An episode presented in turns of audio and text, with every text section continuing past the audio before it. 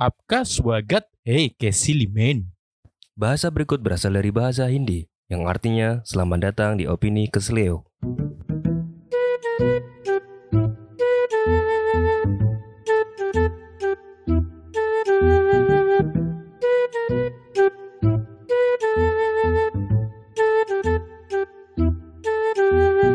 Halo. Halo halo. Ya, selamat datang ya di Opini Keselio ya. Wah, nah, episode berapa nih Mas ya? Kesembilan. Kesembilan ya? Ya. Wah, mantap. Itu mic-mu berin dulu, Pak. Oh, ya. Iya, halo. Emang enggak Enggak kedengeran suaranya. Oh, Masuk. ya ya ya. Ya, kita sekarang mau bahas tentang apa nih, Pak Dayan? Ah, seperti biasa, Udah beberapa hari yang lalu ada debat capres ada- ya. Debat capres. dan ya cawapres. debat capres dan cawapres. Ini menarik banget ya. Yang terakhir ya ini ya. paling terakhir dan Paling- ya. beberapa hari lagi kan kita mau Ya, tinggal suara pemilu ya. kalau ini kita tag hari Senin berarti tinggal dua hari ya. Mungkin Ya. Ini launch hari Selasa berarti tinggal besoknya. ya, Ya, benar-benar. kurang lebih tinggal kayak gitu. Oke, langsung saja. Ini kenalan dulu ya. Ini jadi ada satu orang yang pulang kampung. Dia mau ngapain di sana ya? Dia nggak tahu di sini kelihatannya ke sana mau mancing kelihatannya. Mau mancing. mancing keributan jadi memang hari ini kita eh, rekamannya agak sepi mas Ya, sepi. ya Yang biasanya buka pulang ini. ya yang bisa buka berpulang ya Ya, Bro. nggak pulang tapi berpulang kan bahasanya lebih Iya. bagus gitu. kalau pulang kan hanya pulang, pulang Siapa ini yang pulang ini? Yang berpulang Mas Ya, Yuga Mas. Yoga. sedih sekali saya Nanti di tengah-tengah kita bisa interaktif telepon oh sama iya dia. nanti mau bisa bisa Bisa. telepon ngobrol aja nanti ya Ya, ini mau nanti kita kenalan. nggak jadi bahas pilpres Nggak jadi. bahas yang Nggak jadi. Kita mau kenalan dulu ini eh, anggotanya ada Pak Guntur ini. ada Pak Guntur halo terus ada Dede terus Iya. ada aku sendiri Dayana Gilang Ya, kita mau ya langsung aja kita mau bahas dari visi misi ya. ya Jadi ini temanya sekarang ini tentang apa Pak Dayan? temanya Ekonomi ekonomi, dan kesejahteraan sosial, terus keuangan dan investasi. Oh, dan perdagangan dan industri oh, juga. banyak ternyata. banyak juga ya Banyak. kalau kemarin kan cuma tiga atau Iya. empat sekarang Iya. udah ada dirangkep Ya, karena kan Tuh. ber- berkaitan satu sama Ya. lainnya.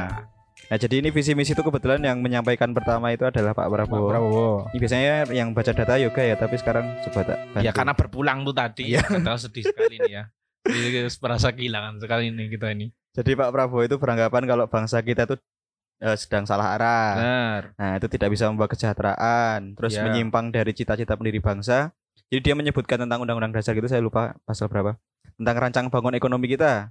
Katanya kan eh, kalau misalnya menurut pasal itu kan harus tinggal di dalam negeri gitu kan. Ya. Dan dimanfaatkan seluas-luasnya. kata Bung Sandi juga ekonomi yang bertumbuh sekarang belum dirasakan masyarakat Ya, Karena lapangan pekerjaan tidak ada terus ekonomi yang apa tumbuh 5% tidak dirasakan masyarakat ya benar tadi ya. ya ya terus ya, membuka lapangan kerja dan memastikan harga pokok rendah itu strateginya kayak gitu. ya. Ya. itu dari itu selentingan ya mas ya Ya. itu Terus sebenarnya visi dan misi dari tapi Pak Jokowi selentingan. mungkin Pak Guntur. Dari Pak Jokowi sendiri, empat setengah tahun ini sudah berusaha dalam rangka mengembalikan watak asli dari pembangunan. Lalu tidak bertemu pada pertumbuhan ekonomi saja, tetapi juga pemerataan. Jadi menurut Pak Jokowi, tidak hanya ekonomi itu tumbuh, tapi ekonomi itu juga merata ke seluruh lapisan Oh. masyarakat. Jadi agar merata ke semuanya gitu mas ya Betul sekali. Tidak hanya lalu Indonesia itu tidak tidak hanya Indonesia Indonesia tidak hanya Jawa sentris, tapi merata untuk Indonesia sentris juga. menarik banget Ini yang mas salah ya. menarik Ini ya. menarik, banget. Ini Bisa- kelihatannya Pak Jokowi berusaha untuk merangkul suara yang cukup luas ya Mas ya. Ya karena Indonesia kan tidak hanya di Jawa ya.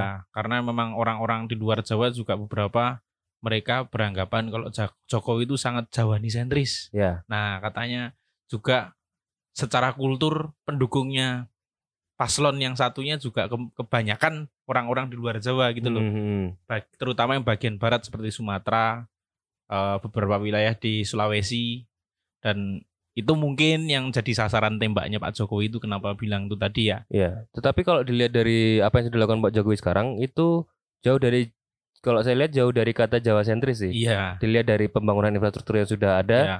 Ada di Papua, ada di Papua, ada di Iya, Kalimantan, ada di Sumatera, ada di Sulawesi, bahkan semua rata mulai dari pelabuhan, jalan raya, lalu bandara. Ya. terus perbatasan, Perbatasan, dengan ya. negara asing itu kan juga Ya. maksudnya tidak hanya di Jawa yang dilakukan pengembangan pembangunannya infrastruktur ya. Jadi menurut saya juga Pak Jokowi sudah melakukan itu di periode sebelumnya, maksudnya sekarang periode sekarang ya. Lalu setelah ada itu Pak Jokowi ingin ada supaya ada titik-titik ekonomi baru di seluruh Indonesia. menciptakan wilayah-wilayah yang anu ya Mas ya, yang em, Pengembangan ekonominya mungkin yang ingin di- melahirkan ekonomi, maksudnya yang menciptakan sebuah potensi ekonomi yang besar ya Mas ya. Ya, mungkin yang dimaksud Pak Jokowi adalah seperti itu ya. Ya, beberapa wilayah-wilayah. Yang Khusus. memiliki potensi yang Ya. sekiranya memiliki potensi lah untuk Ya. dikembangkan dari segi ekonominya. Oh ya ya ya. Jadi kayak bisa tambang, bisa, Bisa macam-macam ya Mas ya. Betul sekali. Lalu setelah itu Pak Jokowi ada lagi eh, sumber daya asing, eh sumber daya asing, sumber daya alam yang dikuasai oleh Sumber daya asing. asing. Sumber daya asing itu apa ya? Itu juga ya. Tadi lonto-lonto itu diminta Adalah sumber daya dari Oh, kita ya. Iya iya. Maksud saya sumber daya alam Menjajah gitu sumber daya asing. yang dikuasai oleh asing. Kayak contohnya adalah kemarin yang sudah berhasil dimiliki oleh Indonesia adalah Blok Mahakam. Ya, Terus ada Blok Rokan tuh yang di Kalimantan. ini juga Lalu banget. ada salah satu yang paling fenomenal adalah Freeport, ya. Gimana deh? Duh. Komentarnya gimana? Saya Maksudnya yang- komentar langsung. iya. Oh. Ya itu menurut saya Jangan sok tahu loh kamu. Kamu cuma mau asal baca toh. Iya. Ya, Di sini kan saya asal bacot cuman. Apa ini? Ayo. Ya itu tadi gimana gimana Iya gimana iya. aset aset aset alam sumber daya alam dimiliki oleh dikelola lagi oleh Indonesia sendiri tanpa ada campur tangan Iya, dari negara luar. Sebenarnya ya sebenarnya bagus sih. Cuman kalau Pak Jokowi ngomongin masalah sumber daya alam terus tambang dan lain-lain ya Pak Jokowi juga harus cermat masalah pengembalian alam itu sendiri harusnya. Iya iya iya. Sepertinya saya bau-bau seksi killer sini. enggak, cuman enggak. Cuman saya tuh juga pernah mikir ini sebelum seksi killer killer itu keluar. Tapi juga itu itu udah jadi omongan yang maksudnya udah diomongkan orang banyak gitu loh. Iya. Nah, itu yang harusnya juga di sebenarnya kan ya walaupun ini keluar dari temanya ekonomi, industrialisasi dan eh, industri dan kesejahteraan sosial. Mungkin ini masuk ke kesejahteraan sosial ya. Jadi Iya. memang karena eh kalau kita melulu masalah so, oke sumber daya alam kita memang gede dan besar dan itu eman kalau nggak dimanfaatkan dan benar akhirnya kayak semi- seperti contoh lah batu bara oke batu bara itu apa batu bara itu eh, dulu eh, tanaman dan lain-lain yang dulu jadi Sawah ada sawah. eh, yang dah purba terus ketanam mengendap terus akhirnya diangkat bisa jadi bahan bakar. Dan nanti akhirnya juga untuk PLTU ya uap ya. Wah. dan itu kan untuk masyarakat juga. Dan itu bagus. Tapi kan kembali lagi kalau terus digerus diambil tok tapi tidak dilestarikan itu sama saja. Nah yang harusnya yang ditekankan itu kan di situ. Dan Indonesia untuk saat ini walaupun kita menyandang sebagai paru-paru dunia dan kita menyandang sebagai negara negara yang kaya raya akan sumber daya alam tapi kita belum bisa memberikan contoh ke kepada dunia kalau kita bisa mengolah dan memperbaikinya gitu loh. Karena Indonesia itu kan hanya bisa mengajak, belum bisa merubah gitu loh. Kalau jargon mengajak itu udah dilakukan sejak zaman Pak Harto. Mari kita kembalikan alam seperti sedia kala. Cuman merubahnya itu kan belum bisa gitu loh. Sebelum seksi killer loh ini aku udah pernah mikir sebelum seksi killer soalnya memang ya kayak pembang penambahan. Oke Pak Jokowi ngebut lima tahun ini pembangunan uh, infrastruktur baik Infrastruktur. itu Infrastruktur. infrastruktur. Nah, baik itu la- laut, darat, udara, terus juga penunjang seperti PLTU ya, Iya. listrikan itu Ya, kan di, tadi sih. digalakkan dan itu kan mengakibatkan Indonesia pemerintah butuh yang namanya sumber daya alam itu tadi. Nah, dipikirkan juga dong gitu loh. Pascanya itu gimana sih dampaknya ke masyarakat itu seperti apa? Karena pembangunan tambang itu enggak enggak se apa ya?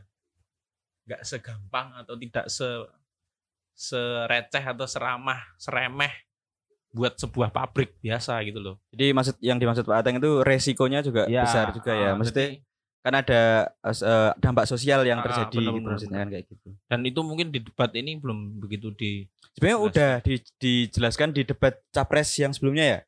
Yang sebelum ini Oh ya yang itu iya iya iya ya. ada pertanyaan Ya, tentang ya, ya. bagaimana tentang menutup lubang-lubang Menutup benar-benar. setelah setelah terjadi penambangan dan itu jawaban dari Pak Jokowi dimanfaatkan untuk wisata alam dan eh, kalau nggak salah budidaya ikan.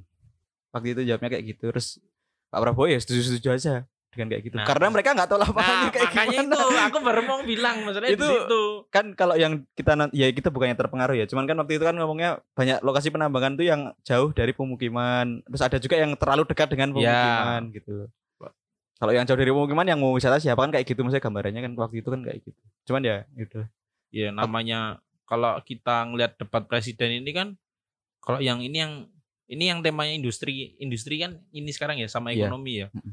Ya harusnya industri itu ya nggak cuma produksi Hmm, tapi juga peduli ya mungkin peduli dampaknya seperti dampaknya. apa gitu tuh loh.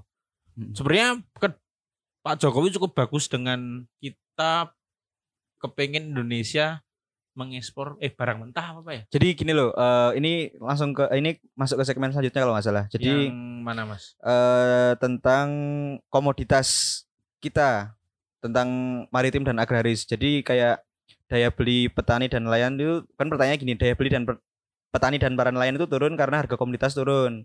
Hal tersebut disebabkan oleh kebijakan dari negara maju yang agresif dan kita tuh masih konvensional. Terus strateginya tuh gimana? Nah, kalau dari Pak Jokowi bilang tuh kita tuh terlalu banyak mengekspor bahan mentah. Oh. Jadi kita tuh tidak ada pengolahan di sini Ah, iya, benar, gitu benar. Maksudnya itu itu salah punya satu. produk ya? Ah, ah, nggak punya Ah. produk. Jadi yang kita ekspor tuh ya ikan, Ah. terus kalau karet ya karet yang mentah Ya. gitu. Kita tuh nggak punya pengolahan kayak gitu-gitu. Jadi kita nggak kepengennya Pak Jokowi berusaha untuk kita mengolah sendiri, menciptakan Iya. produk, terus kita bergabung di dalam pasar dunia. Nah, ya itu dari Pak Jokowi ngomong kayak gitu. Ya, ya, yang ya. dari Pak Prabowo tuh, lah ini kan Bapak udah memerintah empat setengah tahun, ngapain aja kok malah ini baru mau diomongin kayak gini gitu loh. Harusnya kan udah ter- terbentuk. Nah, Pak, Mungkin, Prabowo Pak. ngomongnya kayak gitu. Iya, mungkin Pak Jokowi kan mikirnya tahun ini khusus untuk infrastruktur Ah, tadi. mungkin kayak gitu.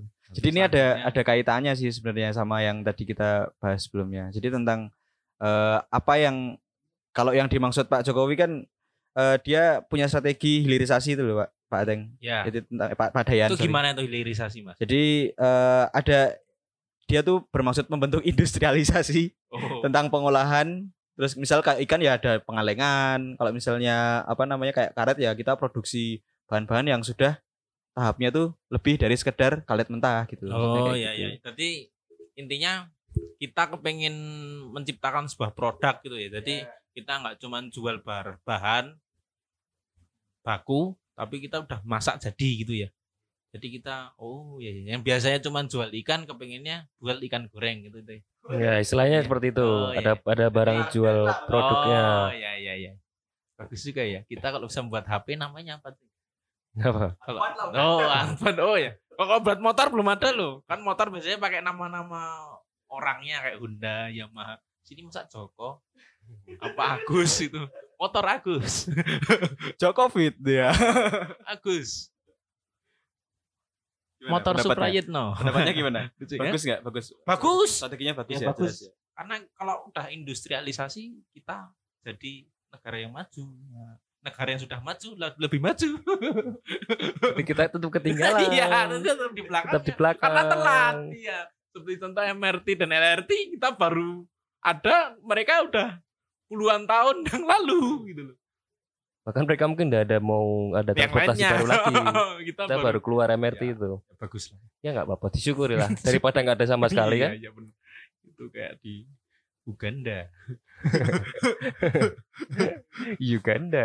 Uganda. Terus ini ya, terus Sandi itu sempat komentari kalau apa namanya, jadi kita tuh perlu kepastian hukum untuk mengolah bahan mentah yang tadi itu. Jadi kayak eh, apa namanya, kayak hal-hal yang kayak tadi itu juga perlu ada kepastian hukum, kayak misalnya Ya. dampak-dampaknya dan segala macam. Wah, itu Terus- bagus itu. Habis itu ada eh, kita harus eh, berasaskan entrepreneurship. Wah, kembali lagi ya. Ya. Sandi larinya pasti Larinya ke pasti ke. Terus, apa-apa kan OKOC. Ya, pokoknya harus OKOC. OKOC. Ya. Apa-apa harus OKOC. Karena memang Pak Sandi kepengennya mungkin semua jadi pengusaha. Iya. Ya. Terus Semua siapa yang yang beli siapa? Ini yang bingung. semua usaha. Kalau cuma usaha, kamu jualan, aku jualan, aku jualan. Siapa yang beli ya? Kan bingung gitu loh. Tapi unik bagus. Bagus, Pak Sandi bagus ya. juga bagus. Bagus ya. Semua harus berusaha. Iya. Entrepreneurship dimulai dari TK kalau bisa ya. Iya, jualan dari TK. Mungkin model yang bagus ya. Iya, Jadi bagus, pendidikan dasarnya adalah jualan. Iya, iya, iya. Jadi pendidikan dasar ada jualan. Dulu saya pernah zaman SD itu jualan secara ilegal, Apa? mercon. Oh. Iya, dulu saya diam-diam saya itu jualan. udah masuk ke WC berarti Oh ya. ya udah OKC itu. Hmm. Saya Salah satunya itu mungkin ya yang dimaksud sama Pak Sandi.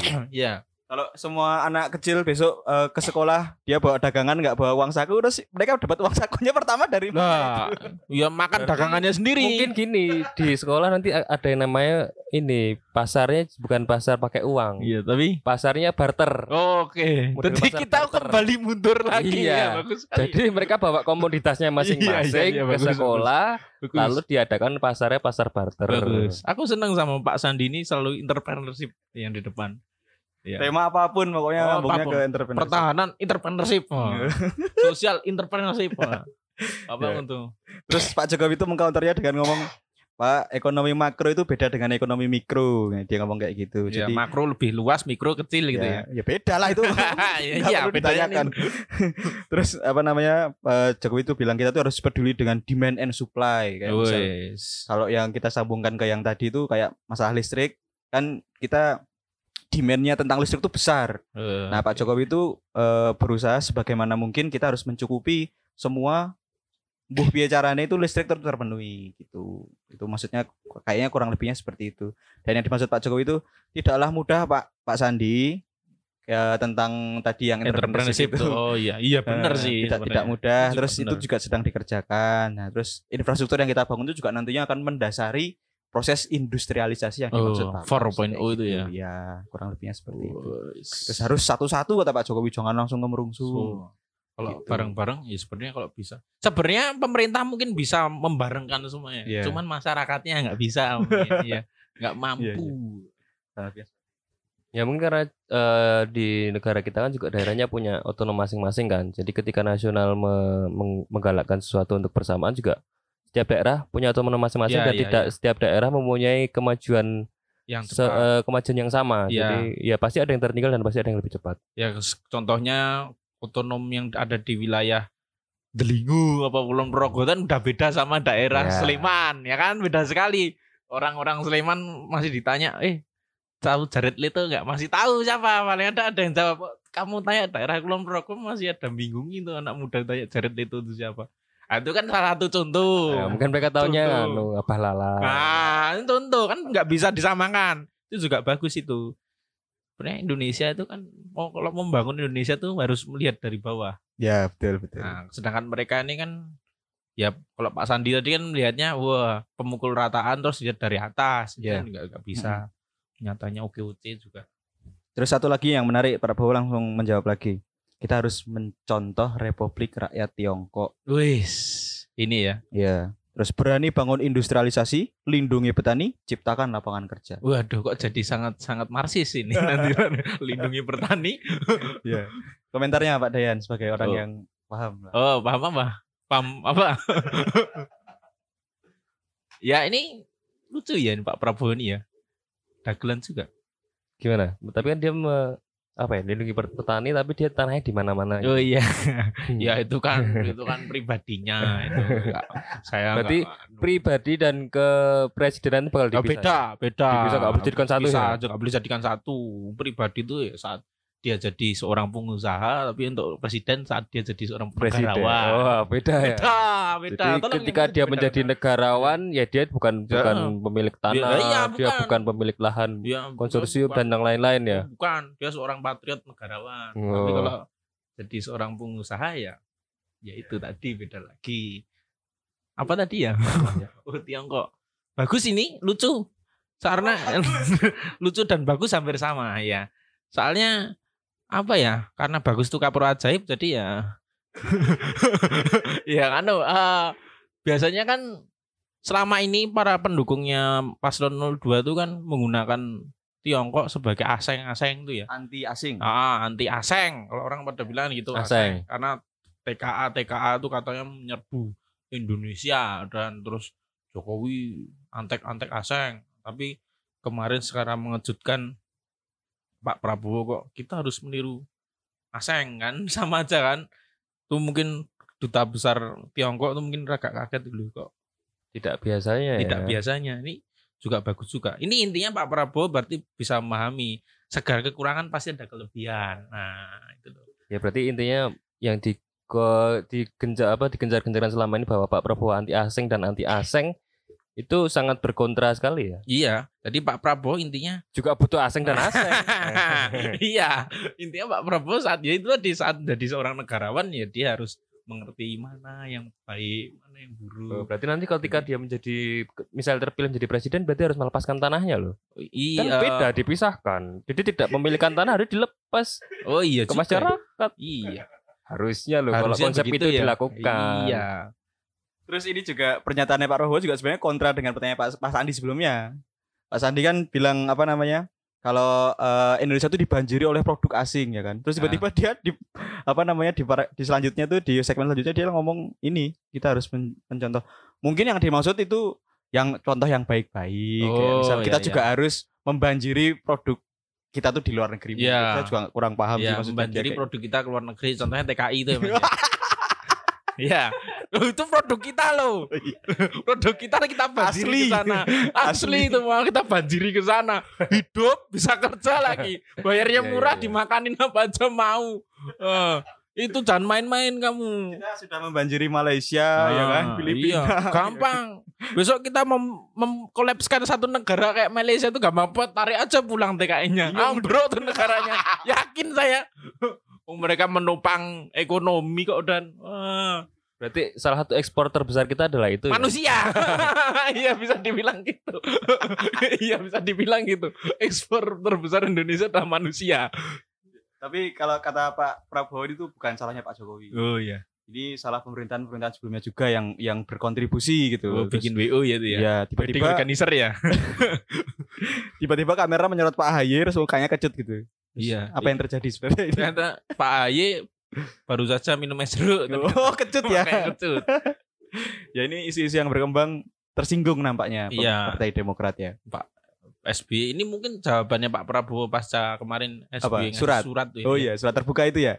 Ya, bisa ya surat terbuka mas tertutup nggak bisa kebaca.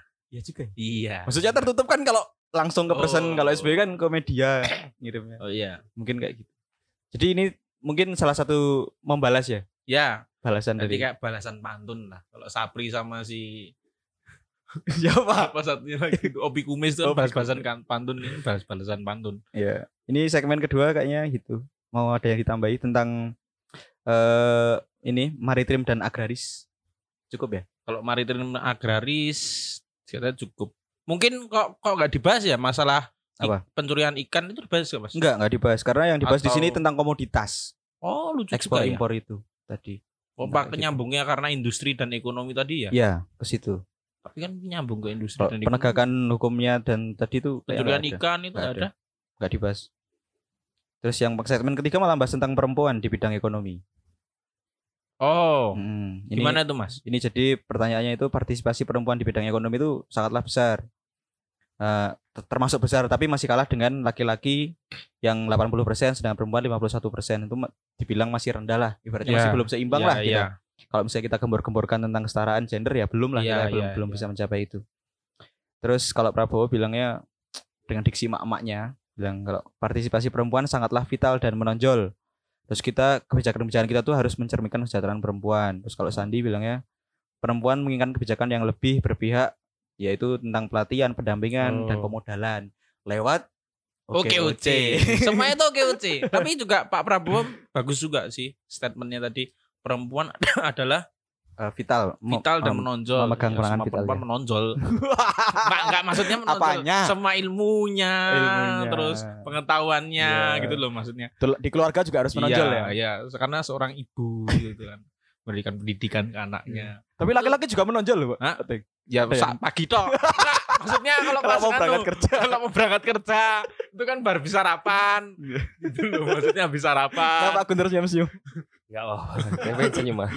iya, kan kalau pagi kalau mau sarapan gitu tuh maksudnya Iya. kan sedang isi-isinya tuh otaknya tuh kan fresh-freshnya.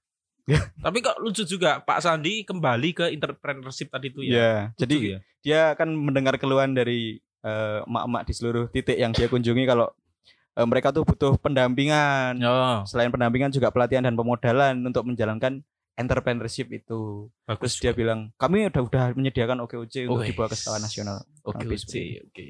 Terus lanjut ke Pak Maruf. Tiba-tiba yang jawab Pak Maruf saya kaget ini. Kan sebelumnya dia Oh, itu mungkin diem. yang di belakang udah selesai nyarcer ya. Udah, lagi ngecas. iya, baru ngecas tuh selama berapa menit di awal tadi Iya. nyarcer dulu.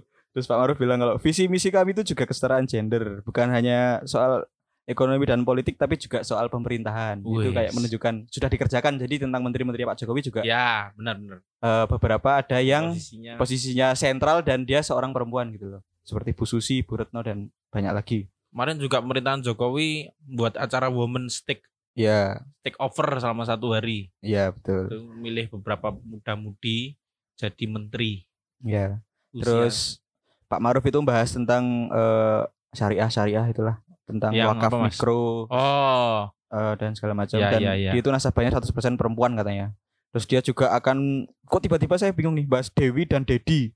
Desa wisata dan desa digital. wow, nyambungnya ke mana tuh ya? tiba-tiba tiba-tiba muncul diksi itu. Sepertinya itu adalah diksi yang memang disa- disiapkan untuk diomongkan jadi biar viral lah. Oh, Dewi Dedi, dan Dedi. desa wisata dan desa digital. itu. Dia mengembangkan itu. Enggak tahu ini peran Oh, perempuannya mungkin ekonomi ya Mas ya, desa wisata dan Iya. de- Oh, kesejahteraan ya. Ya, kurang lebih Juga bagus itu. juga. Terus Jokowi dengan waktu yang tersisa kayak tinggal 10 detikan dia bilang, "Ya, kita juga perlu pemekaran." gitu. Aku bingung, "Wah, apaan Wah. pemekaran?" Ya udahlah pokoknya gitu. Terus Prabowo jawab tentang eh, kuncinya adalah pemberdayaan. Perempuan itu bisa jadi tulang punggung. Tapi eh, perempuan masih punya akses yang minim terhadap pasar. Nah, terus dia ada tujuh langkah pas itu. Jadi itu strategi-strateginya Pak Prabowo lah. Dia ada Oh, tujuh langkah pas. Ada nggak itu di situ? Tujuh langkah pas ya. Apa aja Mas?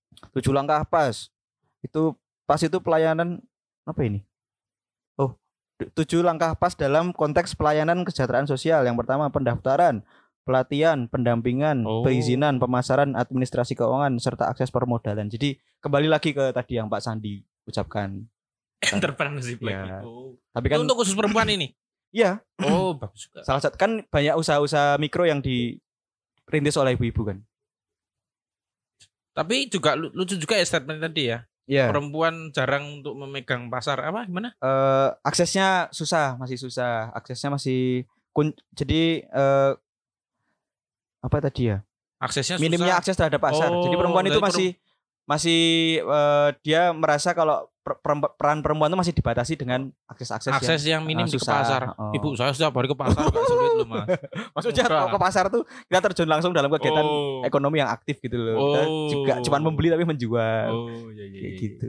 Ya, Ya, sebenarnya ke pasar, Ibu. Saya setiap hari ke pasar. sebenarnya sudah banyak sih ya pengusaha-pengusaha perempuan yang Banyak. yang Salah satunya ada yang namanya Mbak eh, siapa terus ada Subiantonya. Tak kira keluarganya Pak Prabowo Bukan, ternyata ternyata. bukan. oh, Itu juga sama. Dia salah satu orang terkaya di Indonesia bisa dicek di Google.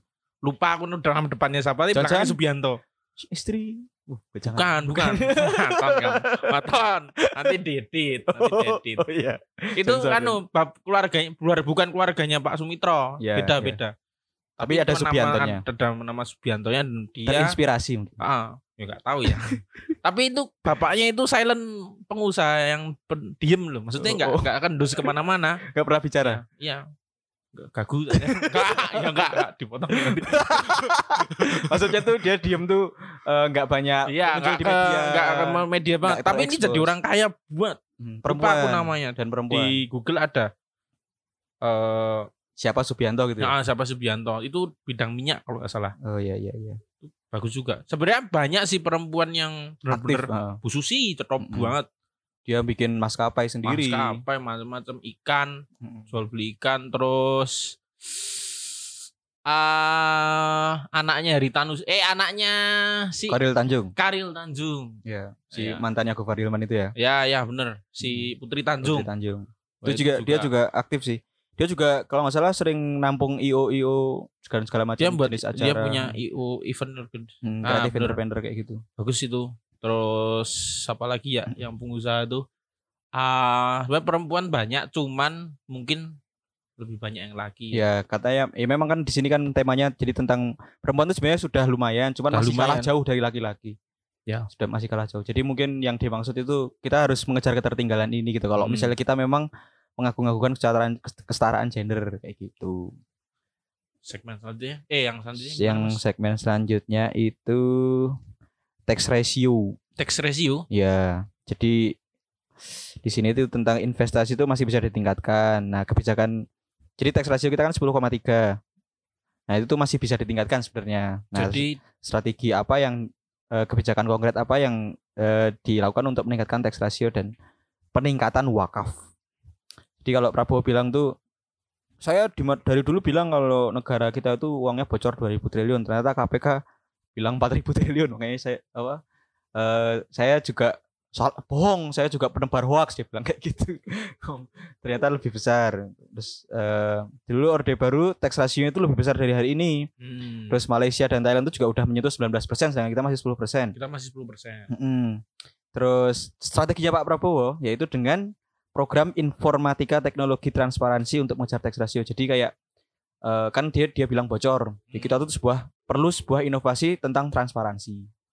Entah gimana itu nanti eh, reformasi birokrasinya seperti apa belum dijelaskan secara rinci. Terus kalau yang tentang zakat itu eh, kita harus eh, menjemput bola. Jadi tidak nunggu kita dapat zakat tapi kita Tapi harus menagih. Oh. Oh jadi kayak eh dulu kan sempat PNS ya Iya, dipotong langsung. potong zat- Nah, kayak itu. gitu tuh ya. Itu sih yang tapi yang kurang Oh. kalau saya kurang setuju sih. Masa Iya. mau orang mau beribadah Iya, iya, maksudnya iya, mau membayar zakat atau dikejar-kejar Iya, iya, dulu. Sebenarnya itu kan iman ya mas. Iya, kepercayaan Masing-masing. Terus ada kan kadang-kadang masa bayar zakat kan ada loh Masa harus dipaksa sama negara mau berzakat saja. Iya. Ya bagus sekali. Apa juga dong berarti kok malah bagus juga. Gimana nih? Piye to iku wong iki? Tujuannya itu bagus untuk meningkatkan tax ratio Iya, gitu loh. kan. kan itu tadi kan juga ini kan hal yang positif juga. Jadi kita juga mendukung gitu loh. Walaupun kita juga kontra. Iya. Nah mendukung tapi Nah, kontra. namanya ada yang namanya pro dan kontra. Kontra. Nah, ini pro kontra. pro sekaligus kontra. Ini lanjut lagi ya, Pak Jokowi itu membahas tentang Pak, Pak Prabowo itu nggak tahu kalau misalnya penaikan tax ratio yang terlalu drastis itu nanti terjadi goncangan ekonomi besar-besaran, ya bilang kayak gitu. Nanti kalau misalnya kita terjadi apa namanya, kita tuh harus menaikkan tax ratio secara gradual pelan-pelan katanya kayak Hmm. gitu. Dia strateginya dia kan tax amnesty yang sudah dilakukan. Oh ya. terus eh, tax base yang besar terus nanti misalnya eh, kalau misalnya dia mempunyai tax base yang besar itu nanti langsung tadi yang dibilang ada shock ekonomi Ya, kurang lebihnya seperti itu. Terus Pak Ma'ruf juga membahas Woi, eh chargernya udah full lagi nih. soal zakot dan wakaf itu sudah ada lembaganya sudah ada yang ngurus gitu bilang kayak gitu. Terus ya kurang lebihnya seperti itulah. Dia juga setuju dengan menjemput bola yang diucapkan Ya. Pak Sandi tadi. Terus eh, Pak Prabowo tuh bahas lagi enggak maksud saya bukan naik 16% secara langsung dalam setahun. Maksud saya juga pelan-pelan cuman kita juga harus berusaha untuk mengejar jangan terus gara-gara takut ada goncangan ekonomi terus kita enggak menaikkan tax ratio ya bilangnya kurang lebihnya seperti itu intinya kita harus berani mengejar mereka yang Hmm. belum bayar pajak Oh ya ya ya. harus berani dikejar-kejar kayak gitu Apalagi kok orang-orang yang berani-berani buat video berapa harga outfit lu? Eh, Wah. harganya berapa miliar? Ninu. ratus. Nah, itu tuh ah, itu sebenarnya orang yang harus diuber tuh bapaknya mereka itu. siapa Itu kurang ajar. Ah, itu beli barang kayak beli mobil, beli itu barangnya dijual itu untuk Iya. bangun satu desa itu udah bisa atau biayai APB. D itu mungkin bisa, Man. APBD apa APBK kecamatan ya. berarti Dirjen Pajak itu perlu mengawasi itu ya Nah itu Vlog-vlog yang- vlog-vlog itu ba- bahaya juga. Berapa outfit lu? Parahnya harus pajak letep. Udah langsung tinggal pakai sempak. gitu. kocak juga ya iya, itu juga sebenarnya lucu juga sih kedua paslon bilang eh, harus kejar-kejar agar orang taat pajak. Tapi di satu sisi di waktu yang sama di detik yang sama ada yang buat vlog berapa harga outfit lo Tahu-tahu udah ini cuma MM-an. 32 miliar ini 32 juta jamku 12 miliar Nah, mungkin jadinya ketahuan sih. Yang dikejar itu salah, salah targetnya salah. iya Jadi itu yang kena lapisan masyarakat lah yang ya lain. heeh, bener ya ya lucu aja sih orang-orang yang bisa bawa pulang barang se fancy itu dari luar negeri Masuk ke bisa masuk ke Indonesia terus tapi di satu saat yang sama seorang pengendara ojek online yang kepanasan beli air minum putih di Indomaret aja dia harus bayar pajak gitu loh. Iya, iya. dan itu kan sebuah hal yang ironi. Sebenarnya paslon ini harusnya juga paham betul. Banyak sekali orang-orang yang masih leha-leha mereka membayar pajak ya membayar pajak tapi mereka nggak sepenuhnya. Kadang-kadang kan orang bisa ya namanya kan ada BBK juga ya mas ya. Badan Pengawas pengawasan keuangan. keuangan itu kan juga ngawasin apa yang dinamakan perputaran uang tuh kan. Jadi nggak seenaknya aja. Tapi kan orang-orang ini kan ya, di Indonesia gampang banget ya. Cuman ngapusi dia bayar akuntan yang khusus untuk Laporan ke pajak. laporan pajak yang semacam. palsu benar. atau dia melarikan aset gitu. Dan itu kan banyak banget tuh loh. Sebenarnya paslon ini harusnya paham betul lah. Nggak cuman ngejar tuh ya nggak cuman nggak cuman yang kelihatan loh. Banyak banget yang nggak kelihatan di belakang gitu loh Ya, berarti, berarti yang yang salah dari yang menurut saya salah dari debat kemarin adalah yang dibahas hanya menaikkan tax ratio saja tapi tidak dicari solusi apa sih perti akar ya masalahnya. benar perpajakan Setuju ini, setuju, ya. setuju, setuju. Siapa sih yang yang mangkri apa mangkar apa namanya mangkar? Heeh, Ya istilahnya tidak membayar pajak dengan taat, mangkrak eh, Mangkrak, mangkrak. mangkrak. untuk membayar pajak tapi siapa malah yang harus dikejar. Jadi lapisan yang masyarakat yang kena itu malah tidak benar, nggak pas gitu loh. Iya benar-benar. Jadi sebenarnya kejadian ini kan dikarenakan orang-orang yang sengaja mempalsukan atau lari dari pajak atau ngakali ya orang Jawa bilang dari pa- ngakali pajak. Tapi yang diserang malah orang-orang yang biasa-biasa saja. Terus tapi ya dia wajib bayar pajak, tapi dia Iya. nggak ngakali sebenarnya. Iya, Cuman dia jujur. gitu loh. Iya. Ha-ha, Dan justru gede, Ah, ah, persenan bener, pajaknya bener, besar. Padahal yang ngakali pajak itu malah sumber permasalahannya seakan-akan Ya. pas-pas saja. Ya terbukti dengan anaknya tadi bisa diwawancara berapa outfit lo itu hab- habis habis. Ya, seperti itu. Jadi tentang pajak eh, sebenarnya itu kayak buah simakal, simalakama ya. Jadi eh, Ya, kita mau simalakama. mau nagih kerja gambar lama. kita mau narik pajak sebesar-besarnya dari rakyat untuk pendapatan negara tapi di sisi lain kita tuh malah mentung yang bawah-bawah Iya, gitu ya kan mentung, ya. malah Terus yang atas bisa menyelamatkan diri dengan banyak truf card truf card yang dia punya gitu Oh, loh iya. entah dengan ngakali dengan apa ya kan Apalagi punya kenalan gitu. ya apalagi punya dia kartu apa kesempatan Iya, ya kan waduh. Apalagi kalau bisa ngasih parcel isinya cewek. Waduh. waduh sudah melebar ke mana-mana Oh, iya. ya sepertinya eh, tentang pajak itu ya segitu aja ya kita bahas ya saya juga sebenarnya kurang Greget Kurang, ya yang, ya, yang masalah pajak nih ya. Oh, karena karena saya nggak tahu betul masalahnya yang di atas atas itu seperti apa. Karena yang kita Iya. tahu kan cuman ya udah kita punya motor kita pajekin, udah. Iya. Yang Nah, orang-orang seperti kamu, seperti kita ini yang kasihan. iya kita nggak ngerti. Iya, yang kena kan gini. Tapi orang-orang yang punya jam 12 miliar Iya. itu tadi Apakah mereka bayar apakah pajak? mereka bayar Nah, pajak? iya, Iya, iya saat cuman beli air putih doang, tapi jamnya iya makanya itu. Kalau kita kan masih belum paham kan tentang kayak gitu-gitu belum ya paham cuman nggak nggak yang le, sepaham mereka-mereka yang di atas gitu. Maksudnya kayak gitu. Yang mereka kan sehari-harinya kan barang-barangnya eh, bisa sehari itu ngabisin duit berapa buat beli Nah iya gitu ya makanya kan. itu. Kalau kendaraan kan jelas, rumah juga jelas, jam tangan. Kalau zakat nggak ada yang diperdebatkan ya, Nah, ya tentang ibadah Ya. juga kan itu. Terus yang selanjutnya itu tentang syariah. Jadi pertanyaannya itu eh, aset perbankan syariah peringkat kita tuh peringkat 9 dunia dengan 28,8 miliar dolar AS. Terus strategi apa untuk merealisasikan potensi ekonomi dan keuangan syariah agar Indonesia jadi pusat ekonomi syariah global mengingat Indonesia adalah mayoritas muslim. Ya. Hmm, terus dari Pak Ma'ruf itu yang kalau misalnya tentang yang syariah-syariah yang jawab pasti Pak Iya, Ma'ruf. pastilah. Pasti. Karena Pak Maruf adalah ketua, ahlinya ya, adalah ahlinya. seorang mantan ketua. MUI. ya. Dia bilang eh, jadi sudah ada eh, KNKS Komite Nasional Keuangan Syariah. Bukan KS ya. Ya, terus Indonesia itu eh, kita sedang mengupayakan untuk menjadi Islamic Finance Center di dunia. Wis. Terus eh, kita harus mempunyai SDM yang kuat untuk membuat produk-produk yang halal. Wih. Terus jangan lupa standar halal di Indonesia itu sudah dipakai di dunia. Kita tuh sudah menjadi standar halal dunia. Gitu, Oh kan, iya itu emang gitu. benar itu Mas. Biasanya kalau PUBG haram di Indonesia itu sedunia haram semua. ya, berarti. Enggak itu kan ya. Kenapa? Ayo. Kenapa ayo? Kamu sebagai Itu PUBG gimana? Mangkel ya saya. PUBG haram itu. itu kata Pak Pak Ma'ruf Pak Jokowi nambahi Eh, kita tuh punya kekuatan besar dalam keuangan syariah Indonesia tuh dinobatkan sebagai nomor satu wisata halal Wih, di nomor dunia satu. iya wisata halal di dunia itu kita nomor satu Tapi memang faktanya benar sih. Kalau di tingkat dunia Indonesia masih nomor satu di wisata halal. Karena Ya, apa karena ya? kita penduduknya Ya, karena muslim budayanya terbesar, kita, ya. terbesar di dunia.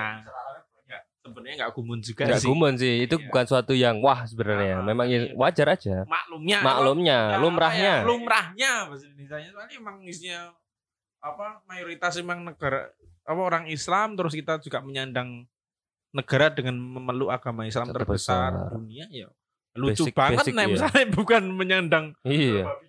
ngakak sebenarnya banyak sih Cuman kalau dibandingkan dengan negara-negara Iya. lain kan tidak sebanyak di Indonesia. ya nah gitu tapi juga bagus ya kok kita tahu-tahu debat capres ini kok bahasnya syariah lucu loh ini maksudnya ekonomi terus larinya ke syariah itu ini kan lucu. ini kan sebenarnya pertanyaannya sudah diacak oh sebelum acara dimulai dan disaksikan oleh perwakilan dari masing-masing BPN dan TKN oh, iya. ya ya udah kita terima aja mentahannya kayak gini yang kita dapat ya mungkin hikmahnya untuk Pak Maruf jadi bisa berbicara banyak mungkin ya ini kan? memberikan kesempatan ya Pak karena kan Maruf sebelumnya dia banyak diam kan Iya, beliau iya. banyak diam diam dan dengarkan ya dia Iya.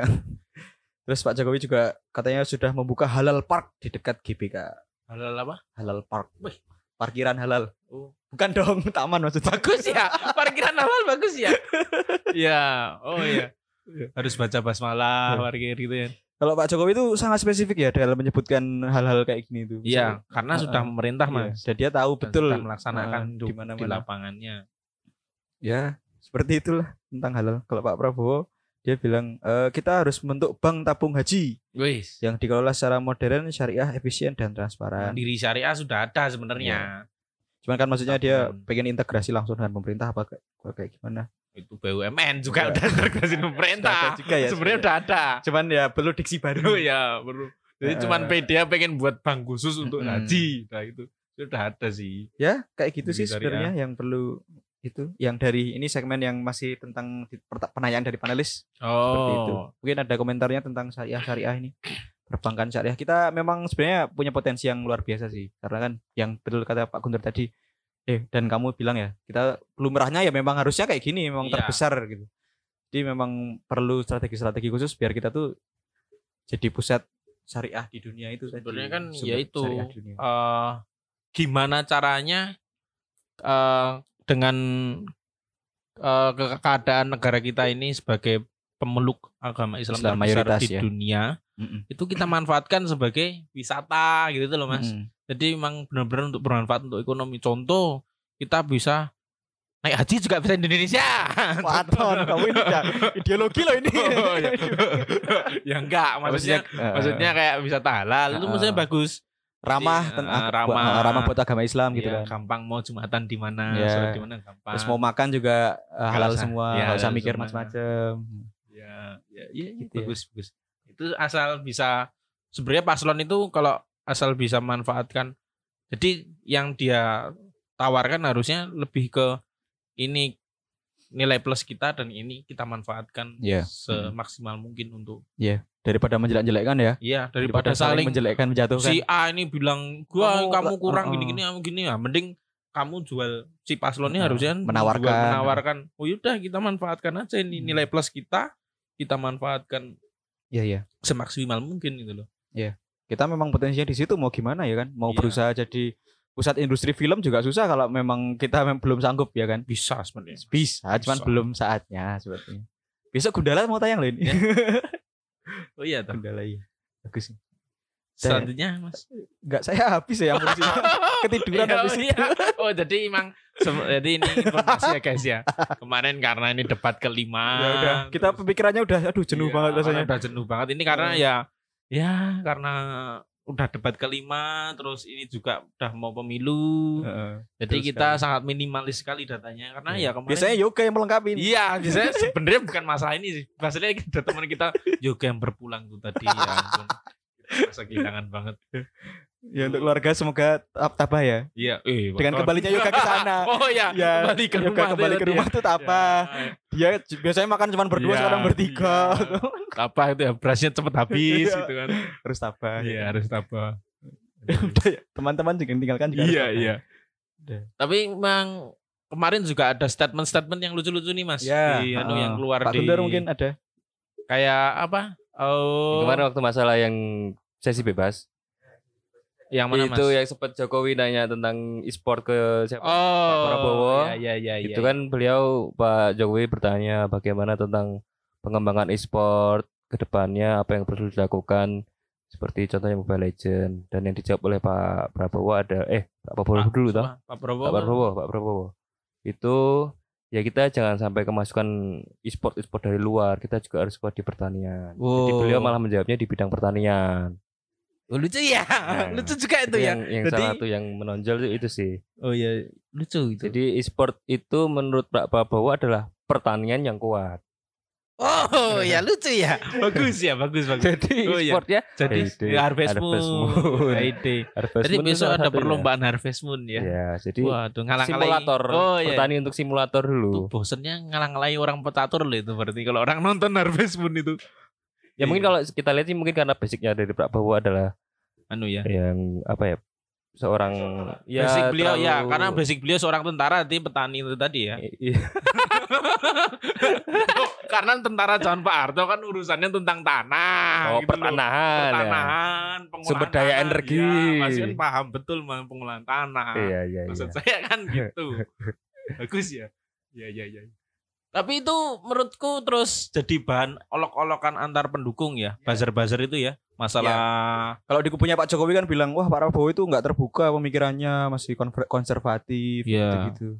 Terus kalau di kubunya Pak Prabowo nganggapnya nggak penting ini, nggak penting. Padahal e-sport. ah. Padahal e-sport itu sebenarnya potensi juga loh. Karena Oh. kita memang mayoritas anak-anak mudanya itu meng- meng- menggemari dan kita tuh punya potensi untuk eh, mem- eh, mengembangkan. Iya bagus. Kayak Sa- In Your Dream itu pemain Dota di Indonesia yang berprestasi di kancah dunia gitu. Iya. Dan Salah satu juga e-sport juga menurutku jadi bisa komoditas. jadi komunitas, bisa jadi karir yang cukup Mm. bagus contoh Kimi Hime gitu kan maksudnya kan itu itu kan eh, itu kan karir loh karir e-sport Kimi Hime itu cuman besar itunya. kemampuannya Kemamp- dalam kemampuan dalam di YouTube loh. dia. Iya. Kalau kemampuan e-sportnya sebenarnya tapi aku juga kepengen nih besok aku berencana membuat kru nih untuk PUBG ya. Iya. untuk e-sport Ini untuk Iya. untuk for your information aja ya Pak Dayan itu atlet PUBG.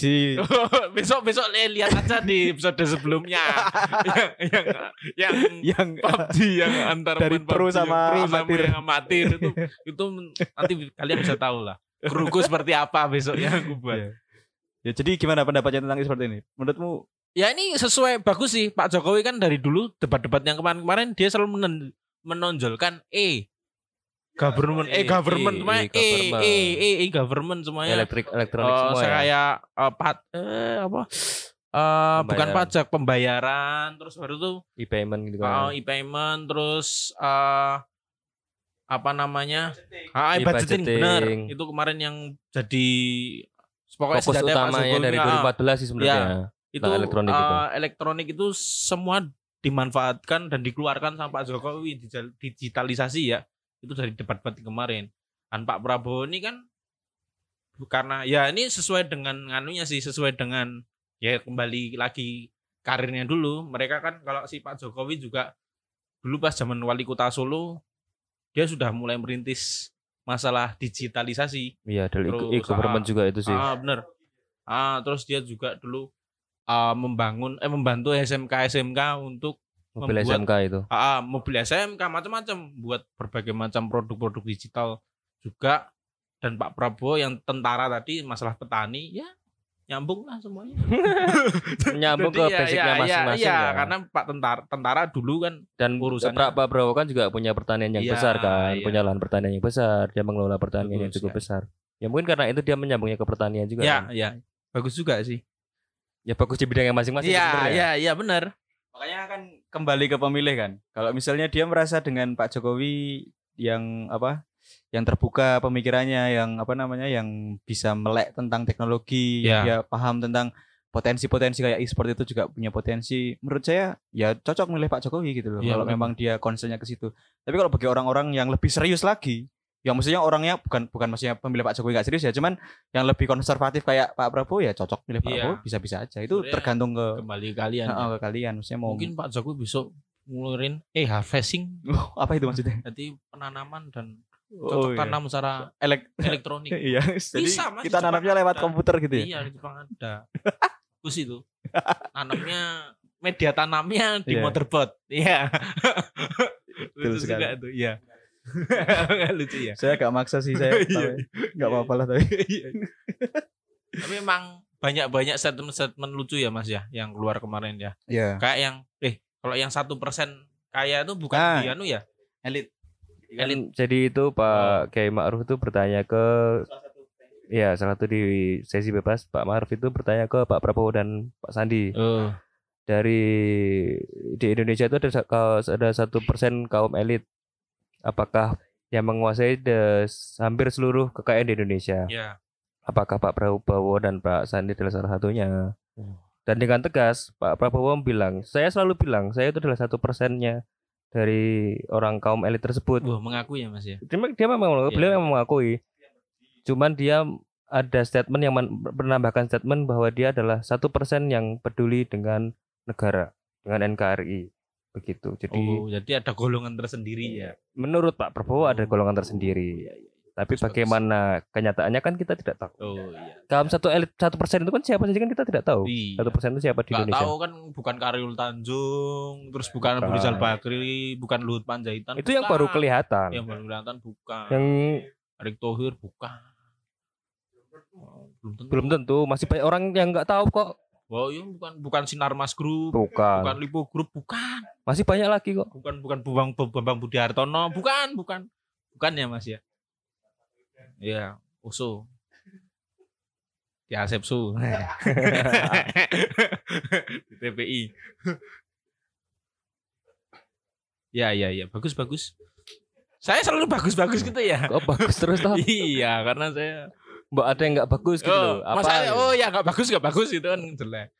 Ya, ya misalnya kayak yang satu persen tadi itu, misalnya Prabowo mengakui beliau adalah bagian dari satu persen eh, elit dari Indonesia, dan dia beliau ya, adalah satu elit yang peduli katanya. Apakah dengan beliau ber, ber apa ya, menyatakan statement itu apakah memang benar? Bukannya malah beliau menunjukkan dari kaum elit juga ada loh yang pengen menguasai negeri ini secara seluruhnya. Ya, Ada loh yang ingin menguasai pemerintahan. ya. Kalau kita mengambil dari sisi sudut pandang yang lain ya, ada loh satu persen yang ingin menguasai negara kita lewat pemerintahan. Iya. Misalnya seperti itu. Sebenarnya, ya benar sih. Sebenarnya kalau mau dilihat satu-satu gitu banyak. Kalau ada satu persen ada loh yang gini-gini. Satu persen ada sampai 100 mas. Jadi ada 100 golongan. Ada 100 golongan. Ada masing-masing ada satu persen. Satu persen orang kayak gini nih. Satu persen gini nih. Satu persen pedagang soto. Satu persen gini nih. Ada 100 golongan. Jadi ada ada 100 golongan. Bagus sekali. ini Pak ini malah melenceng Iya. jauh. Maksudnya ketika ketika kita lihat dari sudut pandang yang lain dari banyak. cukup ya. satu persen ini aja loh yang yang ingin berkuasa Oh, iya, itu di pemerintahan. Bukannya malah malah malah Prabowo- Pak Prabowo itu menunjukkan bahwa kaum kaum ini tuh juga punya sentimental tersendiri bahwa mereka juga ingin menguasai tidak hanya satu persen tapi lebih dari satu persen itu lagi. Mungkin seperti itu pandangan dari sudut pandang yang lain sih. Iya iya iya iya. Jadi golongan-golongan Bukan golongan karya loh ya. Oh iya. Itu nanti jatuhnya lebih ke pohon beringin ya. Ya ya. Jadi eh, sebenarnya eh Pak Sandi juga pernah dia menyindir langsung satu persen. Jadi kan sebenarnya ini gara-gara Pak Prabowo sering ngomong eh, satu persen elit Indonesia itu menguasai dan Hmm. tidak peduli kepada rakyat gitu terus Pak Sandi ngomong saya ini bagian satu persen jadi sebenarnya kontra gitu loh mereka tuh sebelum ini Lucu ya. sebelum itu kalau kampanye itu selalu yang satu tuh membawa narasi Seperti itu. eh, elit-elit yang jahat gitu yang Pak Prabowo ini Kemarin yang yang terakhir adalah elit-elit bajingan itu. Oh ya ya Pak ya yang Prabowo, gebrak-gebrak. Iya. kan secara nggak langsung dia mengatakan dirinya dan Pak Sandi bajingan juga dong kalau Iya kayak gitu dong. maksudnya kurang lebih seperti itu loh jadi Gua dong Sebelum- anjing. Lalu gitu nanti. Pak Sandinya di sana tuh gua dong anjing, anjing, gua dong. gua dong PA Udin Udin. tapi kan maksudnya Pak Prabowo Siapa tahu kan pas denger gitu tuh. Anjing, anjing. Udin Udin. Tapi maksudnya kan beliau kan maksudnya menyerang dua dua kubu gitu loh. Iya, iya. Dia katanya sih sekaligus menginstruksi diri sendiri sendiri dan di belakangnya Pak Jokowi juga banyak elit-elit yang Oh, iya. demikian. Kurang katanya sih pembelanya seperti itu. Jadi bagus juga. Saling mengingatkan kalau bagus terus. Jadi siapa pun yang terpilih sebenarnya kita memilih elit-elit Oh iya, satu persen bener, itu. bener. Ngomong- Ya, nyatanya eh, mereka punya elit-elit mahnya masing-masing. ya. masing-masing di kubu masing-masing ada. Pak Jokowi punya elit. Dilalah di kubunya Pak Prabowo itu Prabowo-nya sendiri. Salah satunya adalah Prabowo dan Sandi sendiri kan. Kalau dilihat dari kekayaan kemarin saya sempat baca Pak Prabowo itu kekayaannya 1,9 triliun. Iya, Pak Jokowi berapa M tuh ya? Pak Jokowi 300 sekian Miliar. miliar. Ya. Pak Ma'ruf itu nggak tahu, saya lupa. Saya- Pak Ma'ruf. saya- saya Tapi di bawah satu eh, satu triliun. Pak Ma'ruf masih di bawah satu triliun. Terus Sandi Sandi 5 5 triliun. triliun. Iya, berarti kan kita sama saja memilih Iya. kaum elit tersebut untuk berkuasa kan. Tapi kar, apa, kalau misalnya Jokowi segitu di bawahnya beda lagi. Kita Oh, misalnya iya, iya. eh, ke bawah-bawahnya Jokowi itu bisa lebih kaya dari Prabowo sama Sandi juga. Iya, bahkan malah kalau ditambah Heeh. bisa lebih kaya. Luhut kaum kan habis sendiri. beli sahamnya Sandi kan. Nah, ya itu. itu ya sama aja sebenarnya dua-duanya itu. Saham Pak perusahaan. Ya, sebenarnya perusahaan sih. Iya. Tapi kan dengan dalam bentuk saham tadi. Ya. Ya ya mau gimana lagi di Jakarta emang Iya. dikuasai elit.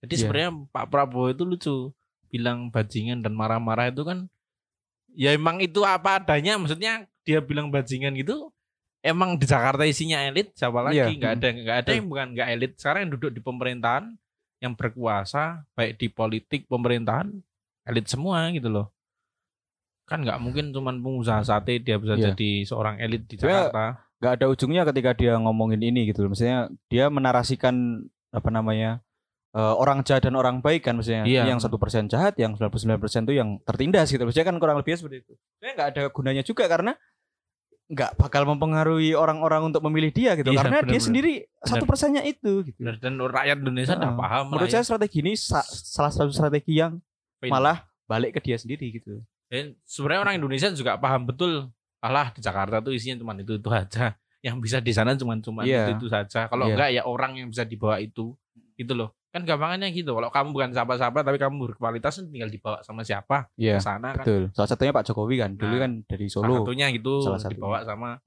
Mega gitu Sebenarnya gitu dan sih. Prabowo.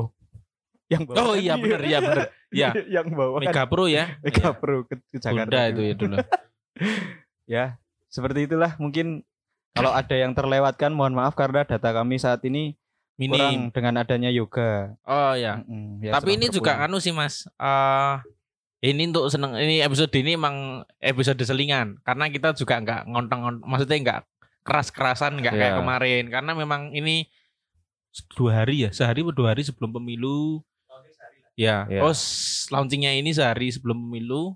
Besok ya berarti Besok sudah pemilu. besok udah pemilu terus ini kita masa tenang sekarang kita memberikan ini tuh pandangan aja untuk kalian ya cukup yang santai sih sebenarnya. Tidak ringan gitu loh ringan. maksudnya nggak berat paling enggak ya ya paling enggak kalian bisa tertawa atau tersenyum lah saat berangkat ke TPS dan kalian bisa nyoblos tengah jadi nggak nyoblos siapa-siapa ya. Jangan. enggak enggak jangan jangan Jangan. Jangan, jangan penting jangan gontok-gontokan gitu loh karena Iya. kita tahu sebenarnya mereka berdua itu sama saja. Cuman ya beda cara dalam memerintah. Benar. kayak gitu. ya beda kalau sama ngapain Iya, mending ditarungkan bareng-bareng gitu loh Mending mending bareng-bareng. bareng Makanya presidennya empat makanya di episode ini kita nggak terlalu banyak bahan dan tidak terlalu serius seperti terus sebelumnya. serius banget lah gitu loh Jadi karena menurut menurut kita juga udah terlalu sudah terlalu panjang ini masa kampanye Iya, dan kita juga udah terlalu panjang membahas membahas tentang pemilu debat. tentang debat. Iya, benar udah capek banget. Ini intinya kita sebenarnya udah capek banget sih maksudnya yang Mungkin juga pendengar juga mungkin Ya, udah mulai lelah udah ya. mulai lelah udah lima Menghadapi, debat ya. ya, Ocehan kita ocehan. menemani lima Banyak debat. di sosial media juga yang bahkan p- apa namanya kampanye seliwar-seliwar maksudnya beriringan di sosial, Sosial media, media. mana pun. Ya, makanya segera diselesaikan di pemilu besok. Ya, Segera datang jangan lupa datang ke TPS. jangan lupa pilihlah sesuai dengan hati nuranimu, Ya, benar. tapi jangan ngikuti hati nurani orang lain. Nah, Jangan mengikuti isi dompet orang lain mungkin. Ah, itu. Jangan mengikuti serangan-serangan di pagi Nah, hari. Jangan pokoknya percaya diri. Ya. Apa yang akan kamu pilih itu siapa yang kamu pilih akan menentukan nasib orang-orang kamu sendiri, orang-orang di sekitarmu, orang-orang yang kamu sayangi, kamu cintai, sahabatmu, teman, orang tua, orang yang kamu kenal, artis di sekitar kamu, semua warga negara rakyat dan orang rakyat Indonesia lima tahun ke depan. Ya. Jadi mungkin tusukanmu itu sangat berpengaruh bagi kehidupan banyak orang besok.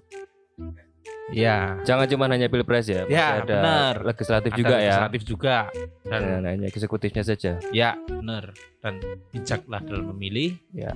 Berhati-hati karena kalau nggak berhati-hati tanganmu nanti tertusuk sendiri. Ya. Iya. Oh Ya, jangan lupa setelah itu kalau udah tintanya di tangan cari diskonan ya. Ya, Pasti cari banyak. diskonan dan jangan makan langsung pakai tangan. Nanti ndak kelek tangannya. Iya. ya, mulutnya nanti kebak tinta. ya. Jangan dicocok tintanya dikira Iya, kopi. Iya, iya. Kayak 2014. Iya, iya. Dikira teh kakek ini mau minum tinta. Iya. Jangan terulang lagi, nggih. terus lagi ya. Kasihan juga itu ya. Itu masa umbelnya nanti hitam terus. Oke, sampai jumpa di episode berikutnya. Jangan lupa memilih selamat memilih dengan hati nurani masing-masing. Sampai jumpa. Ciao.